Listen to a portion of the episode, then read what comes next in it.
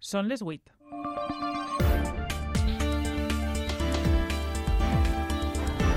Les notícies de la nit, amb Sara Garcia i Chelo Vicente. Hola, com estan? La vespre del 8M, la llei estrella del govern espanyol que posa en el centre el consentiment de la dona en les relacions sexuals segueix sent protagonista.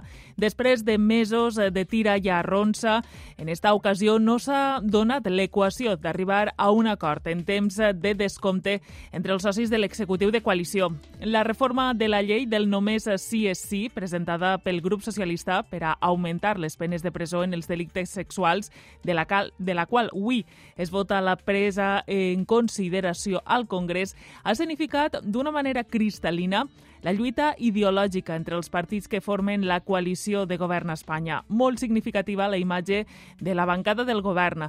Ha comptat tan sols amb la presència de les dos ministres de Podem, la d'Igualtat, Irene Montero, i la de Drets Socials, Ione Belarra. Declaracions en passadissos del Congrés d'Irene Montero i del Senat de la ministra de Justícia, Pilar Llop. Creo que esa respuesta debería ser una respuesta unitaria del Gobierno y de la mayoría feminista de esta Cámara, pero el Partido Socialista no ha querido el acuerdo, ha preferido darse la mano del Partido Popular, de quienes siempre han votado en contra de los avances feministas para iniciar, como les decía, ese camino de vuelta al Código Penal de la violencia o la intimidación. El consentimiento no se toca, tampoco se toca el modelo unificado de conductas eh, delictivas, antes lo que era abuso y agresión, sigue siendo ese modelo unificado, están intactos pues, los preceptos que se refieren al consentimiento. Lo que se hace es actuar eh, de una manera muy quirúrgica sobre un aspecto muy muy pequeño de la ley integral, que es el aspecto penal y el aspecto de las penas. Esta profunda desavinença, però, asseguren les dos potes de l'executiu espanyol que no afecta la governabilitat. És la notícia destacada de la vesprada de 8 dimarts de febrer. Tenim 25 minuts per davant per ampliar-la. Esta i altres notícies també destacades de la jornada. Algunes les repassem ara amb Chelo Vicente. Clar, mentre els consumidors, perquè les grans cadenes de supermercats apliquen a Espanya l'abaratiment de la cistella de la compra. Des del govern espanyol, la vicepresidenta primera i ministra d'Economia, Nadia Calviño, espera que les cadenes franceses apliquen l'abaratiment també així. Damos por supuesto que aquellos grupos multinacionales que tienen presencia en España eh, eh, extenderán cualquier política comercial que pueda beneficiar a los ciudadanos franceses, a los ciudadanos españoles, por supuesto. I els contarem la història de Máximo. Ell té 3 anys i mig i pateix la síndrome de Miol, una malaltia minoritària i poc freqüent que provoca microcefàlia i discapacitat intel·lectual severa. Fins ara té reconeguda una discapacitat del 38%, però la família reclama que li reconeguen fins al 78% per a poder fer front als costos que suposa el seu tractament. Així ho comenta Jesús Cervera, Cervera pare de Máximo. Bien, que sí que tiene esto, que lo necesita. Que esto no es un capricho, o sea, que no que no te estamos pidiendo su minusvalía, no sé, para ir al cine. Estamos pidiendo su minusvalía porque la necesita de verdad, necesita que su minusvalía sea alta para que en el colegio le pueda entrar el comedor, para que en el colegio, por ejemplo, pueda tener un acompañante que esté con él todo el día. I mobilitzacions a França contra la reforma de les pensions és la sisena vaga. Els sindicats asseguren que és la més gran dels últims 40 anys. El projecte de llei preveu augmentar els anys de cotització de les treballadores i treballadors i fondre els 42 règims especials per a deixar-los en només dos o tres. Alguns sectors es jubilen actualment als 57 anys, com és el cas dels conductors de camions o els ferroviaris. Al control tècnic està Juan Alpuente. Comencem. Realment seguim en titulars eh, ara en el d'esports. Ens espera una gran nit de bàsquet europeu. Gustavo Clemente, bona nit. Hola Sara, bona nit. València Bàsquet Armani Milà, que es posa en marxa a les 8 i mitja en la Font de Sant Lluís i podran seguir en esta sintonia en el programa des de la banda. A més, els pagaments del Barça a l'exvicepresident dels àrbitres es convertirà en una causa judicial per un delicte continuat de frau esportiu. Això és el que demanarà la Fiscalia perquè es jutge el Barça, directius culers, l'expresident Bartomeu i el propi Reader. Doncs eh, de segur eh, que des de la banda comenten aquestes coses a més de, del bàsquet i si no, Gustavo, després a partir de... A les 11 de i 5 en l'Idefons. Clar que sí. Moment ara de conèixer les previsions de l'oratge. Lluís Obiols, bona nit. Avui ja hem notat l'ascens de temperatura, com tenim la situació a hores ara. També hem notat eh, el vent, eh? Sí, el vent eh, continua bufant i continuarà bufant. Atenció, el vent de ponent serà una constant durant els pròxims dies. Eh, De fet, dijous fins i tot s'activen uns eh, avisos a l'interior per ràfegues superiors als 80 km per hora. Ja avui hem superat aquests 80 km per hora, per exemple, fins a 81 km per hora a Cullera, a voltant de 87 a la Font de la Figuera o fins a 95 km per hora en zones altes de Bunyol. En un dia marcat per l'ascens de la temperatura, especialment avui destaquen les màximes a la zona de la Plana, fins a 25 graus de temperatura màxima a Borriana, Castelló de la Plana, però també a la zona de la Marina Baixa, 25 graus a la Vila Joiosa. I ara mateix eh, continua l'ambient molt suau al litoral. Ara mateix tenim temperatures de 19 a 20 graus, eh, més eh, fresquetes, com és lògic, en zones interiors, però tot i amb això, ambient prou suau. Sí que en zones més occidentals, de la plana d'Utiel Requena, dels Serrans o del racó de Mus, l'ambient és més fresc i ara mateix tenim temperatures d'11 a 12 graus. I això vol dir que si continua el vent de ponent, també continuarà en ascens el termòmetre. Mira, una bona equació has fet, però és que a més a més, a més a més del vent de ponent, entra una massa d'aire molt càlida. Per tant, atenció, atenció a les màximes de cara a la jornada de dissabte. En molts eh, punts eh, del litoral del Golf de València, de les comarques centrals i del sud, podríem superar els 30 graus i es podrien batre fins i tot alguns rècords de temperatura màxima per a un mes de març. Ja demà notarem aquest ascens tèrmic. De fet, demà, per exemple, a la ciutat de València s'espera una màxima de 27 graus. Ambient, per tant, molt càlid, màximes de més de 25 graus demà al litoral i a les comarques centrals. A la resta, entre els eh, eh, 20-22 graus. Per tant, un ambient molt suau, amb aquest vent de ponent, que demà continuarà bufant fort, especialment durant les hores centrals del dia, i núvols alts i mitjans més abundants de vesprada, l'excepció a la zona més occidental, racó d'Ademús, Serrans, Utiel Requena, allà núvols més compactes i fins i tot no es descarta alguna gota a primera hora del dia. Moltes gràcies, Lluís. A vosaltres. Escoltes a punt. Les notícies de la nit.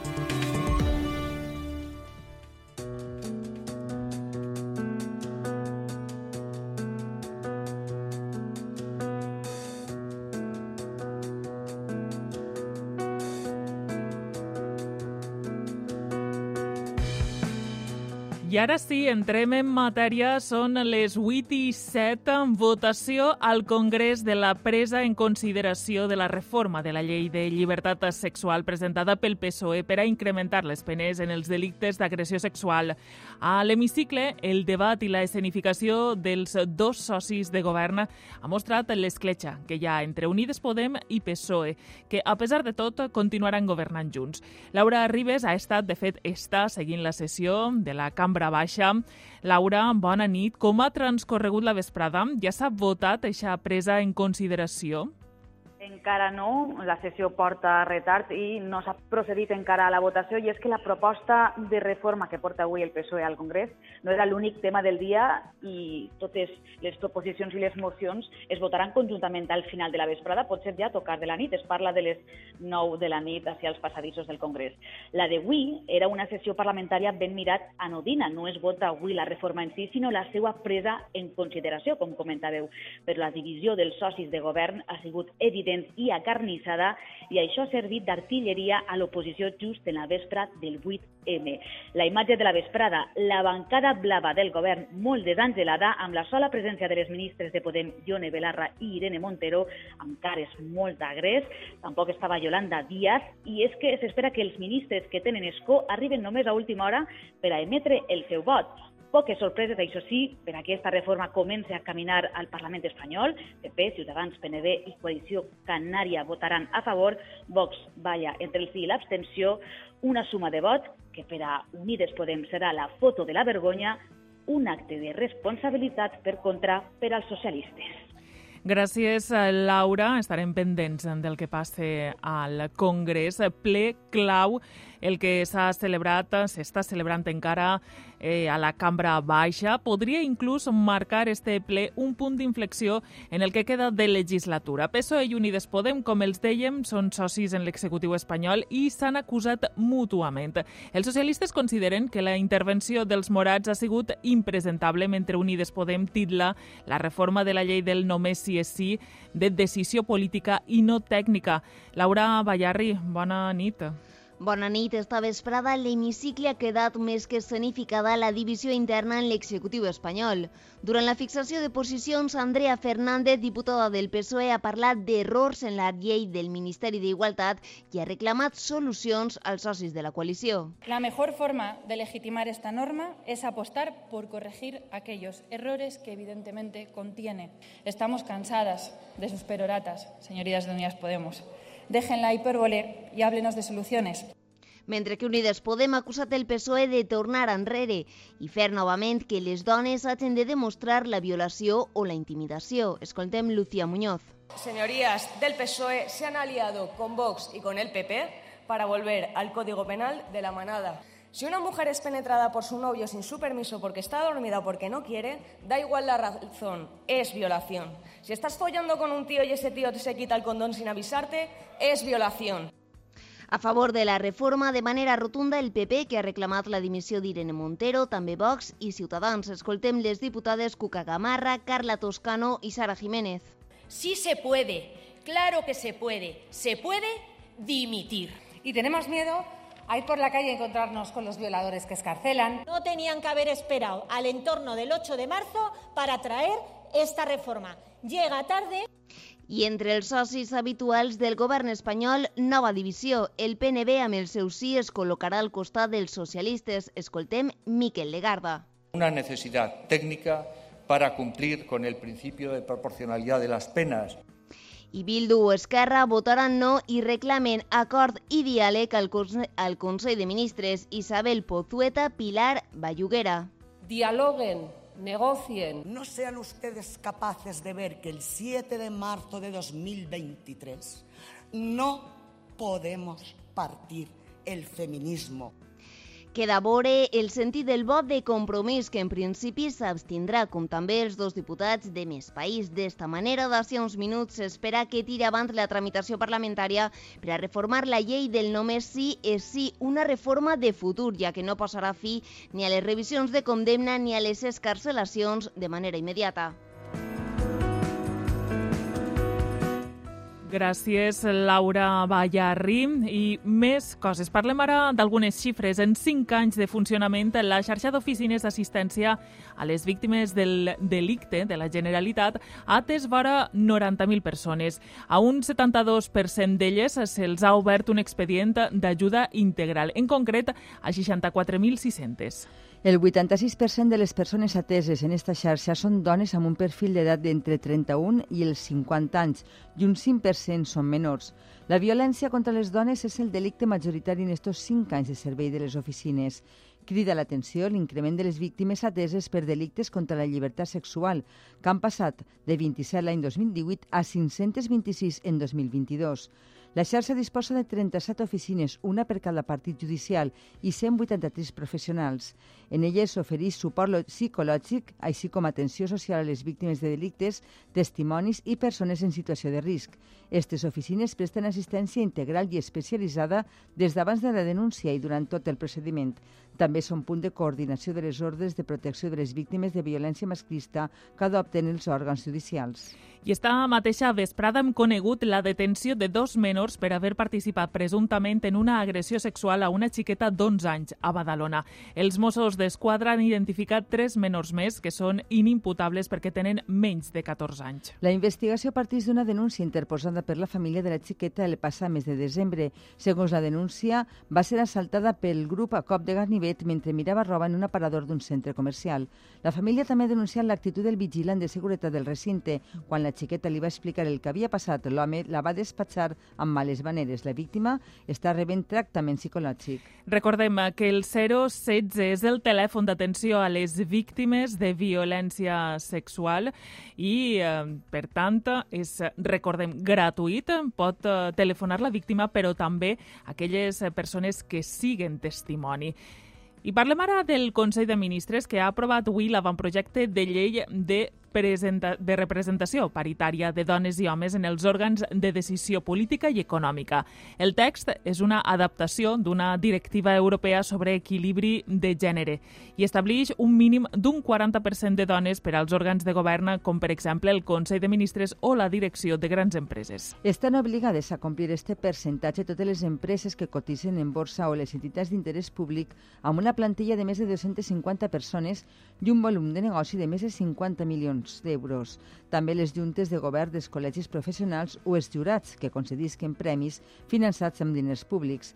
Les empreses que cotitzen en bolsa tenen de termini fins al juliol de 2024 per a complir la llei, mentre que la resta de les grans empreses tenen fins al juliol del 2026. La ministra d'Afers Econòmics, Nadia Calviño, ha incidit avui que en l'actualitat les dones no arriben al 30% en els consells d'administració de grans empreses i estan per davall del 20% en els llocs d'alta direcció. Calviño ha remarcat que este avantprojecte trenca el sostre de vidre de les dones. Con un anteproyecto de ley que garantiza la participación de las mujeres en los órganos de decisión de nuestro país, que rompe el techo de, cristal en el ámbito público y privado y consolida a España como uno de los países más avanzados en igualdad de género a nivel mundial.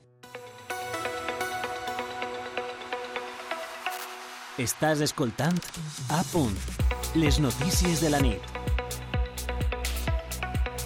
Parlem uh, d'economia. Des de Berlín, el cap del Consell ha assegurat que la mesura adoptada per França és el camí per a aconseguir una cistella de la compra equilibrada. Ximo Puig ha dit que el govern valencià manté reunions amb operadors i distribuïdors de l'alimentació i ha avançat que en els pròxims dies es reunirà amb tot el sector per arribar a acords i poder abaratir eixa cistella de la compra. Lo que se trata es de conseguir que haya un acuerdo en los próximos días yo voy a tener una reunión con los operadores, con los distribuidores de la comunidad valenciana, con los que ya digo, llevamos trabajando durante meses para buscar cuál puede ser la medida, cuál puede ser el camino para hacer fácil, accesible esa, esa acción para intentar limitar los precios.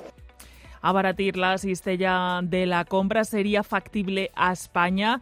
És el que ens hem preguntat. Ah, sí, el govern espanyol només ha implementat una rebaixa de l'IVA d'alguns productes bàsics i altres l'ha eliminat, però les propostes de limitació de preus no agraden a les empreses d'alimentació. Magda Nicolau. La cistella francesa amb productes bàsics serà elaborada de manera voluntària per part de les empreses d'alimentació, un acord que també seria possible a Espanya segons el professor de distribució comercial de la Universitat de València, Alejandro Moyà. Perfectament viable a Espanya, perquè és, és un acord, no és una imposició del govern francès. Les cadenes de distribució també assumiran la rebaixa de preus reduint els marges de benefici, però segons el president d'Abacu és un esforç que han de repartir-se en tota la cadena alimentària. Fernando Monet. Si le pedimos solamente a, a, la empresa finalista que haga el esfuerzo y no le pedimos al fabricante o no le pedimos al resto de eslabones, la verdad es que poco podemos eh, conseguir. El sector de l'alimentació al nostre país assenyala que la pujada de preus està provocada pels costos de producció i no per a guanyar més diners. Afirmació posada en dubte des de la part morada del govern, associacions de consumidors i altres partits com Més País. El portaveu Íñigo Errejón demana transparencia. Exigir al Gobierno que haga públicos los márgenes de beneficio de las grandes distribuidoras y de los grandes supermercados. Uns marges que detalla el professor Alejandro Moyà. Els marges eh, són molt reduïts. Per producte estem parlant del 2%, el 4, el 5... Mentre es busca l'acord, la vicepresidenta Nadia Calviño confia que el pacte francès també es visualitzi així. Damos por supuesto que aquellos grupos multinacionales que tienen presencia en España extenderán cualquier política comercial que pueda beneficiar a los ciudadanos franceses, a los ciudadanos españoles. I estem en un any electoral i la patronal valenciana també ha decidit entrar en campanya. Avui la Confederació Empresarial ha presentat les propostes que voldria veure en els programes dels partits i una sèrie de reivindicacions dirigides quasi exclusivament al govern d'Espanya. Entre d'altres, l'ampliació del Port de València o l'augment d'inversions per a Alacant.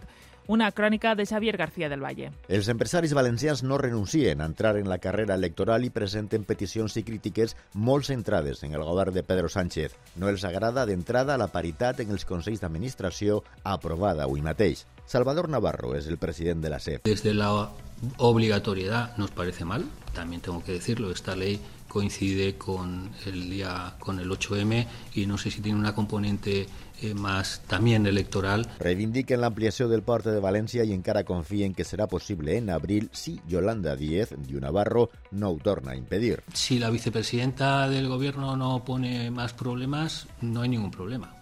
Y digo la vicepresidenta del Gobierno y ministra de Trabajo. Estan especialment molestos amb les crítiques de les ministres d'Unides Podem, però també culpen el PP i el PSOE del fracàs en la renovació del finançament autonòmic. Per això lamenten la falta de partits valencianistes més forts. Ojalá tuviéramos como Cataluña, como País Vasco o como Canarias un partido que fuera una referencia para la comunidad valenciana por el tiempo se ha demostrado que no. En política fiscal les agrada el programa del PP. No voy a decir que es una copia de las propuestas de la CEF, pero tiene mucho parecido porque han cogido muchas cosas. Però també alaben el diàleg social que ha promogut el Botànic. I més coses. Pel que fa a la causa dels treballadors zombis de Ciexa i Melsa, avui les defenses d'Alfonso Rus i de Marcos Benavent n'han demanat la nulitat en considerar que hi va haver irregularitats en l'obtenció de les proves. L'advocat de Rus considera que tot és un engany i que respon a una caça de bruixes. Adelaida Ferre. L'advocat d'Alfonso Rus, Emilio Pérez Mora, creu que la peça separada del cas Taula que investiga els suposats treballadors zombis d'Imelsa i Ciexa és un engany i una casa de bruixes. Se ha pretendido y se ha conseguido durante años que no tuviéramos noticia cierta de cómo se inicia este procedimiento. Les defenses han demanat la nulitat del juí i han qüestionat la veracitat dels àudios que van donar peu a la investigació. Segons l'advocat defensor de Marcos Benavent, Juan Carlos Navarro, estos àudios es van entregar com a revenja. De lo que no cabe duda es de que se han cometido una serie de irregularidades en este procedimiento. Les defenses aleguen vulneració de drets fonamentals en l'obtenció de les proves i que no s'hi va respectar la cadena de custòdia. També han posat en dubte les conclusions de la Fiscalia Anticorrupció, que ahir parlava d'organització criminal. L'acusen de dur a terme una cacera política, un argument que mantenen l'excap de gabinet de la Diputació, Emilio Llopis, Alfonso Rus i Marcos Benavent. Lo de l'organització criminal ni ho entenc, ni sé jo què pinte ni Melsa. Jo sóc el cap de gabinet de la, de la Diputació. Tot això és un invent.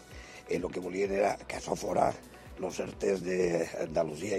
No sé si vinc a la ciutat de la justícia o la ciutat de la injustícia. La Fiscalia demana 12 anys de presó per als principals acusats en esta causa. A punt. Les notícies de la nit. Els contem ara la lluita d'una família valenciana perquè es reconega el seu fill de només 3 anys un grau de discapacitat que li permet accedir a les ajudes que necessita.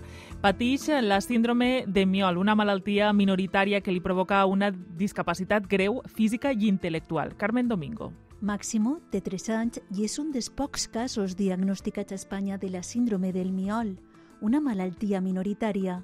Son pare, Jesús Cervera, ens explica gráficamente cómo es. Como juntar un chiquillo que tiene un síndrome de Down con un chiquillo que tiene una parálisis. Los fusionas y te aparece el molludo de gato.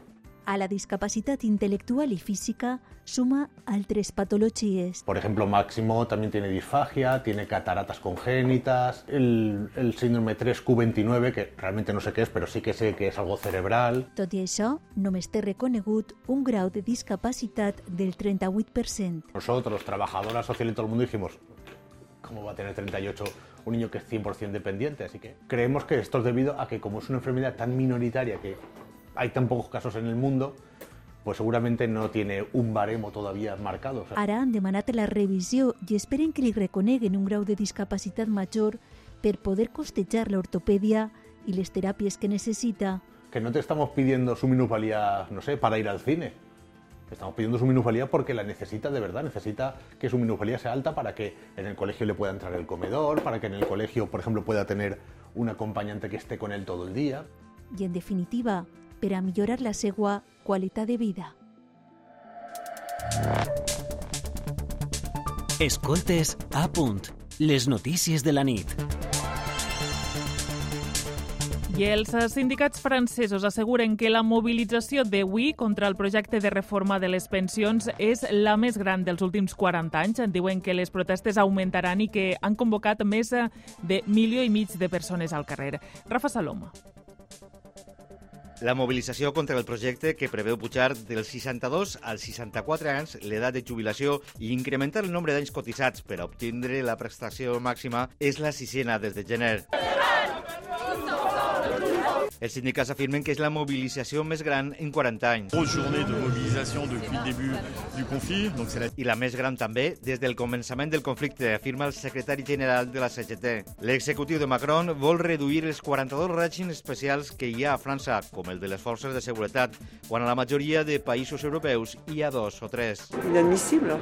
La reforma xoca contra el rebuig frontal de dos de cada tres francesos.